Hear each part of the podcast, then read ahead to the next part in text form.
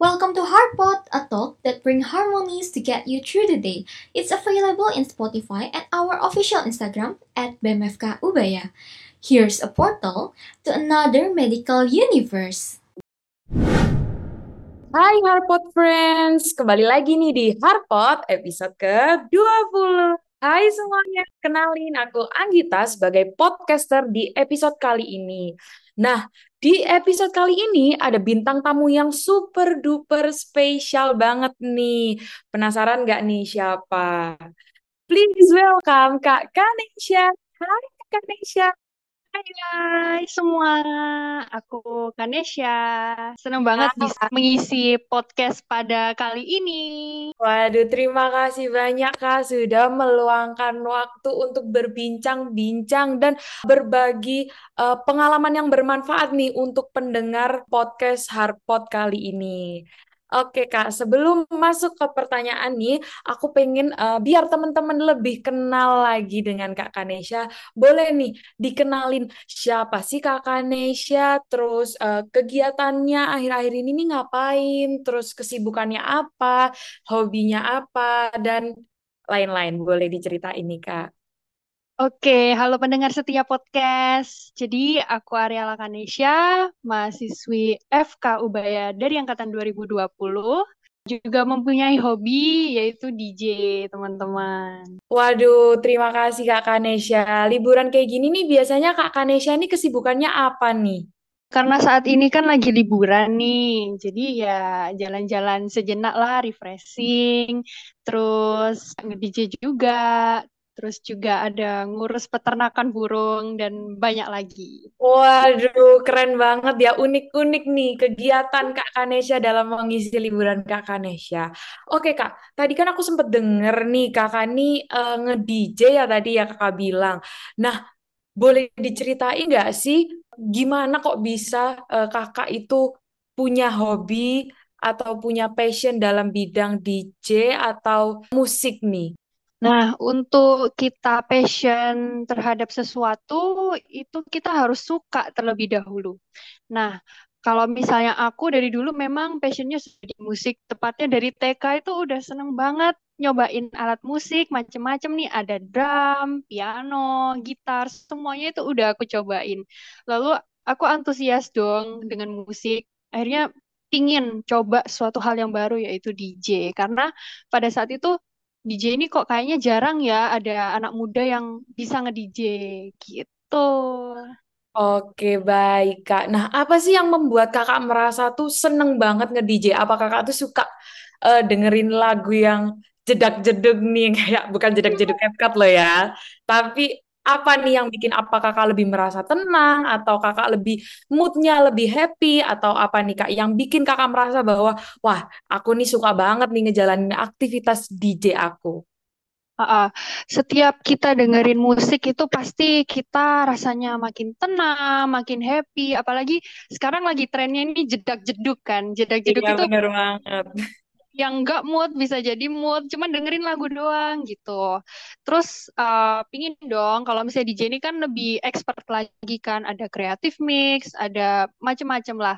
Jadi pingin coba suatu hal yang baru Gitu. Oke gitu ya kak. Bener sih aku juga sebagai pendengar nih, even aku nggak bisa nge-DJ, tapi aku kalau misalnya uh, ngeliat atau dengerin jedak-jeduk apalagi yang di TikTok-TikTok zaman sekarang tuh kayak perasaannya tuh kayak happy banget tanpa disadar tuh aku juga senyum-senyum sendiri gitu.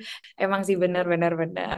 Oke deh, boleh nih Kak diceritain gimana perjalanan Kakak sampai di titik sekarang Kak, sampai kayak misal kakak kan sering uh, tampil di acara-acara kayak jadi bintang tamu, terus pernah juga mengikuti Duta FK, apalagi sekarang kakak menjadi bintang tamu di Harpot atau uh, podcast FK Ubaya ini. Gimana sih kak cerita ini kayak mulai awalnya gimana, terus sampai sekarang, terus latihannya gimana dan lain-lain. Waduh, sebenarnya sih sampai sekarang ini nggak pernah menyangka ya sampai bisa ada di posisi seperti ini. Mulai dari 2017 itu uh, aku mulai start jadi profesional DJ. Di 2017 tepatnya itu kenaikan dari SMP ke SMA. Bingung mau ngapain, melakukan hal apa sih, hobi kah atau apa, masih bingung gitu kan, mengisi waktu liburan. Setelah itu tertantang dong karena aku tipikal yang suka banget sama tantangan. Jadi aku tertantang buat coba suatu hal yang baru yaitu DJ. Oke lah, akhirnya coba belajar sendiri, otodidak, bikin lagu, kayak gitu-gitu. Akhirnya ya gitu, akhirnya perform. Pertama kali performnya itu di event di salah satu mall terbesar di Surabaya sebagai DJ. Tuh. Oh, keren banget nih Kak. Nah, sampai di titik sekarang, sampai jadi sekeren ini, sehebat ini, itu ada nggak sih kesulitan atau kegagalan-kegagalan dalam perjalanan karir kakak sebagai DJ gitu? Suka dukanya pasti ada ya, tapi balik lagi aku tipikalnya orangnya itu perfeksionis. Jadi everything must be perfect. Selalu aku usahain yang terbaik selagi aku bisa. Dan itu meminimalisir juga terjadinya kegagalan. Menurutku usaha itu nggak akan mengkhianati hasil. Jadi kayak dari kemarin-kemarin kita sudah berusaha dengan keras, Nah, itu nanti pasti akan menuai hasilnya gitu. Oke, berarti dalam uh, perjalanan kakak, kakak cara meminimalisir nih kesalahan atau kegagalan-kegagalan ataupun uh, kesulitan itu dengan cara tian terus-menerus karena kakak pengen penampilan kakak tuh jadi perfect atau sempurna gitu ya kak. Ya, benar banget. Nah, dalam usaha kakak nih, apa sih pelajaran yang bisa kakak ambil dari perjalanan kakak ini gitu? Nah, dengan adanya suatu kejadian itu pasti dapat dijadikan sebagai pelajaran hidup. Dan itu pelajaran yang menurut aku uh, sangat berharga dengan adanya pengalaman-pengalaman dari 2017 sampai 2023 sekarang. Itu banyak banget pengalaman yang udah aku dapat dan menurut aku pengalaman itu merupakan guru terbaik dan supaya ke depannya kita kita ini dapat menjadi pribadi yang lebih baik lagi dari sebelumnya gitu. Bener banget, aku setuju banget nih sama Kak Kanesha. Karena menurut aku nih teman-teman, pengalaman itu adalah guru terbaik dan gimana kita sebagai kaum muda-mudi ya harus berani dong untuk mencoba atau mengambil langkah biar mendapatkan pengalaman itu sendiri. Karena kalau misalnya tidak dari pengalaman, kita belajarnya dari mana lagi kalau kita tidak mau melangkah. Bener nggak Kak Kanesha? Banget harus mau maju jadi Benar. jangan stuck di situ-situ aja gitu Benar banget. Apalagi usianya masih muda ya jadi harus benar-benar dimanfaatkan waktu tenaga yang masih ada nih sebelum nanti kalau udah tua kan udah terbatas nih semuanya. Oke mengingat juga kakak Nesha itu merupakan mahasiswa fakultas kedokteran kan pasti nih anggapan orang wah mahasiswa kedokteran belajar mulu nih belajar mulu.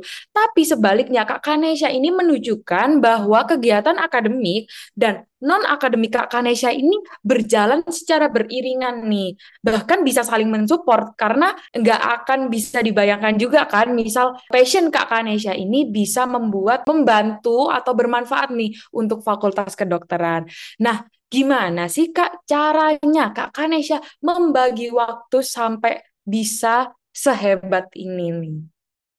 Nah, untuk itu uh, membagi waktu itu sebenarnya uh, tergantung dari orangnya masing-masing sih. Tiap orang kan punya caranya masing-masing.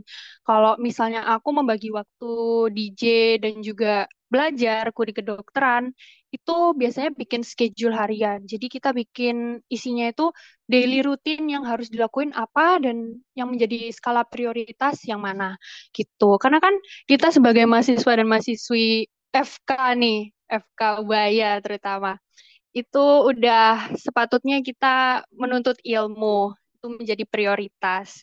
Terus disiplin juga sama diri sendiri, disiplin sama waktu. Kita gunain waktu sebaik mungkin. Jadi jangan buang-buang waktu lah istilahnya.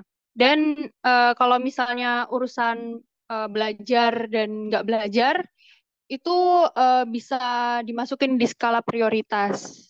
Mungkin begitu. Oke, baik. Berarti yang pertama tuh skala prioritas dulu ya, Kak, untuk membagi waktunya dan gak membuang-buang waktu untuk kegiatan yang gak penting. Mending teman-teman uh, meluangkan waktunya itu untuk melakukan kegiatan-kegiatan yang penting-penting atau yang bermanfaat untuk diri sendiri ataupun orang lain, gitu ya, Kak ya? Benar banget. Lakukanlah kegiatan yang positif seperti mungkin teman-teman di sini suka olahraga, suka masak, boleh banget untuk self healing juga kan teman-teman uh, cari kegiatan yang positif Mungkin begitu. Bener banget nih. Jadi buat teman-teman yang dengerin nih, bisa nih mulai sekarang buat cari kegiatan-kegiatan yang positif. Apalagi mumpung liburan nih, jangan cuma pergi ngopi sama teman-teman yang nggak ada hasilnya. Mending kita melakukan kegiatan yang lebih ada hasilnya gitu. Ataupun juga bisa nih ngopi sama teman-teman tapi membahas tentang pelajaran-pelajaran hidup yang bisa kita ambil gitu. Jadi intinya lakukan kegiatan yang bermanfaat nih buat teman-teman semuanya. Oke Kak, aku mau tanya nih, dalam kakak uh, membagi waktu antara akademik dan non-akademik, ada nggak sih kegagalan dalam proses kakak membagi waktu gitu? Misalnya nih, kan kita tahu nih uh, di FK, khususnya di FK Ubaya atau Fakultas Kedokteran Ubaya tuh ada kegiatan PBL, ada kegiatan uh, apa namanya seperti CSL, terus habis itu kegiatan uh, ujian-ujian yang sangat-sangat banyak juga dalam satu bulan itu. Ada nggak sih Kak kayak istilahnya nih kalau misalnya kata temen-temen nih kayak keteteran, ada nggak sih Kak atau pernah nggak sih Kakak itu uh, dalam situasi tersebut gitu. Oh, mungkin uh, aku mau sharing sedikit gimana tips belajar mungkin ya di FK. Boleh uh, banget. Nah, uh, mungkin teman-teman di sini nih bingung kan ya, oh ada punya aktivitas lain, tapi juga tiap bulan apalagi di kedokteran ini kan ujian terus-terusan kan, ada ujian blok, ujian SOKA, OSCE, ada UAS, UTS, itu pasti kan bingung nih keteteran, terus kebanyakan nih teman-teman ini kan belajarnya sistem kebut semalam gitu kan, eh, sistem SKS. Kalau menurut aku itu itu kurang efektif ya. Tapi balik lagi tiap orang punya cara belajarnya masing-masing. Kalau misalnya dari aku, aku biasa belajarnya contohnya kayak liburan ini. Ini mulai udah mulai kayak baca-baca sedikit. Sumpama nanti kan uh, aku ngambil mata kuliah neuropsikiatri kan. Jadi mulai sekarang aku mulai baca-baca dikit-dikit nih tentang neuro apa aja sih yang nanti dipelajarin. Jadi nanti minimal itu udah tahu, udah tahu dulu. Kalau misalnya nanti pas masuk kuliah itu tinggal tinggal review aja sih kalau menurut aku. Jadi uh, tips belajarnya ya belajar dari jauh hari. Kalau misalnya ada waktu luang, paling nggak baca sejam aja atau 10 menit baca minimal gitu. Jadi supaya bisa menyicil lah istilahnya biar nggak keteteran seperti teman-teman di kedokteran. Dan juga belajar uh, kalau misalnya bisa jangan terlalu lama dan juga jangan sampai capek ya. Biasanya teman-temanku itu belajar itu sampai subuh. Itu kan nggak baik banget kan ya buat kesehatan apalagi kita anak kesehatan. Masa belajar nggak memberi contoh yang baik gitu kan? Jadi belajarnya kalau ada waktu luang nih, itu 10 menit atau 20 menit, itu coba baca-baca dikit. Atau cari informasi seputar kesehatan yang baru. Mungkin ada uh, virus baru atau apa. Jadi teman-teman uh, mindsetnya nggak stres-stres amat kalau menjelang ujian. Oke, Kak, setuju banget nih sama Kakak. Apalagi aku juga sebagai mahasiswa kedokteran juga setuju banget nih. Penting banget buat kita semua sebagai mahasiswa kedokteran tuh buat nyicil karena kalau hmm. misalnya uh, melakukan pekerjaan mepet-mepet deadline atau deket-deket deadline tuh ya nanti kita akan keteteran juga. Aku setuju banget nih sama Kak Kanesia. Jadi buat teman-teman pendengar uh, setia dari Harpot nih, jangan lagi ngerjain deadline atau ngerjain tugas dengan mepet-mepet waktu. Bener nggak Kak Kanesha? Bener, apalagi nanti kalau misalnya udah masuk kuliah biasanya ada tugas, ada, wih macam-macam pokoknya bener-bener apa ya buat belajar itu pasti agak waktunya kurang gitu kan ya. Terus belum lagi kita kuliah dari pagi sampai menjelang maghrib sunset gitu kan. Jadi kalau bisa mulai dari sekarang teman-teman mulai nyicil-nyicil belajar. Walaupun teman-teman nggak paham, minimal teman-teman baca. Nanti kalau misalnya masuk kuliah pasti nanti tambah lebih paham lagi. Kalau aku cara belajarku kayak gitu sih, konsisten aja gitu. Oke, bener banget. Berarti nih tips-tips belajar dan memanage waktu dari Kak Kanesha. Yang pertama, tentuin skala prioritas dulu. Mana nih yang harus dikerjain dulu, mana nih yang lebih prioritas, dan lain-lain. Lalu yang kedua, bisa dijadwalin nih teman-teman jika teman-teman punya jadwal dalam kesehariannya, tetap harus dijadwalin dan yang paling penting harus disiplin. Karena percuma juga kan Kak Kanesha yang ngejadwalin tapi kitanya sendiri nggak disiplin. Bener nggak Kak? Bener banget. Iya, benar. Terus habis itu kita juga harus tahu nih cara belajar kita tuh seperti apa. Apakah membaca atau mendengar atau Ya. seperti apa. Dan yang paling penting ketika belajar yang diutamain adalah kualitas bukan kuantitasnya. Benar nggak Kak Kanisha? Banget. Karena walaupun seumpama nih kita belajar udah banyak, tapi tetap aja nggak bakal masuk. Karena kita juga pengaruh juga ya kalau misalnya belajar terlalu lama, terlalu capek, itu kemungkinan akan masuk. Oke, gitu nih teman-teman. Nah, dalam belajar atau mengatur waktu antara akademik dan non-akademik, jangan lupa yang paling penting juga menjaga kesehatan. Apalagi kita sebagai mahasiswa kedokteran juga penting banget menjaga kesehatan. Apalagi kita yang nanti bertugas untuk menyembuhkan atau menolong orang, kita sendiri nggak sehat juga percuma gitu loh. Jadi kita tetap harus jadi orang yang bermanfaat khususnya untuk diri kita, lalu untuk orang lain gitu. Nah, Kak Kanesha nih, apa sih pesan yang pengen disampaikan ini kepada pemuda-pemudi atau pendengar Harpot ini, khususnya mahasiswa Fakultas Kedokteran? Oke, jadi untuk pesan dari aku, selama kita masih muda itu banyakin cari-cari pengalaman, ikut kegiatan yang positif seperti organisasi kayak BEM ini, BEM FK Ubaya, DPM dan masih banyak lagi.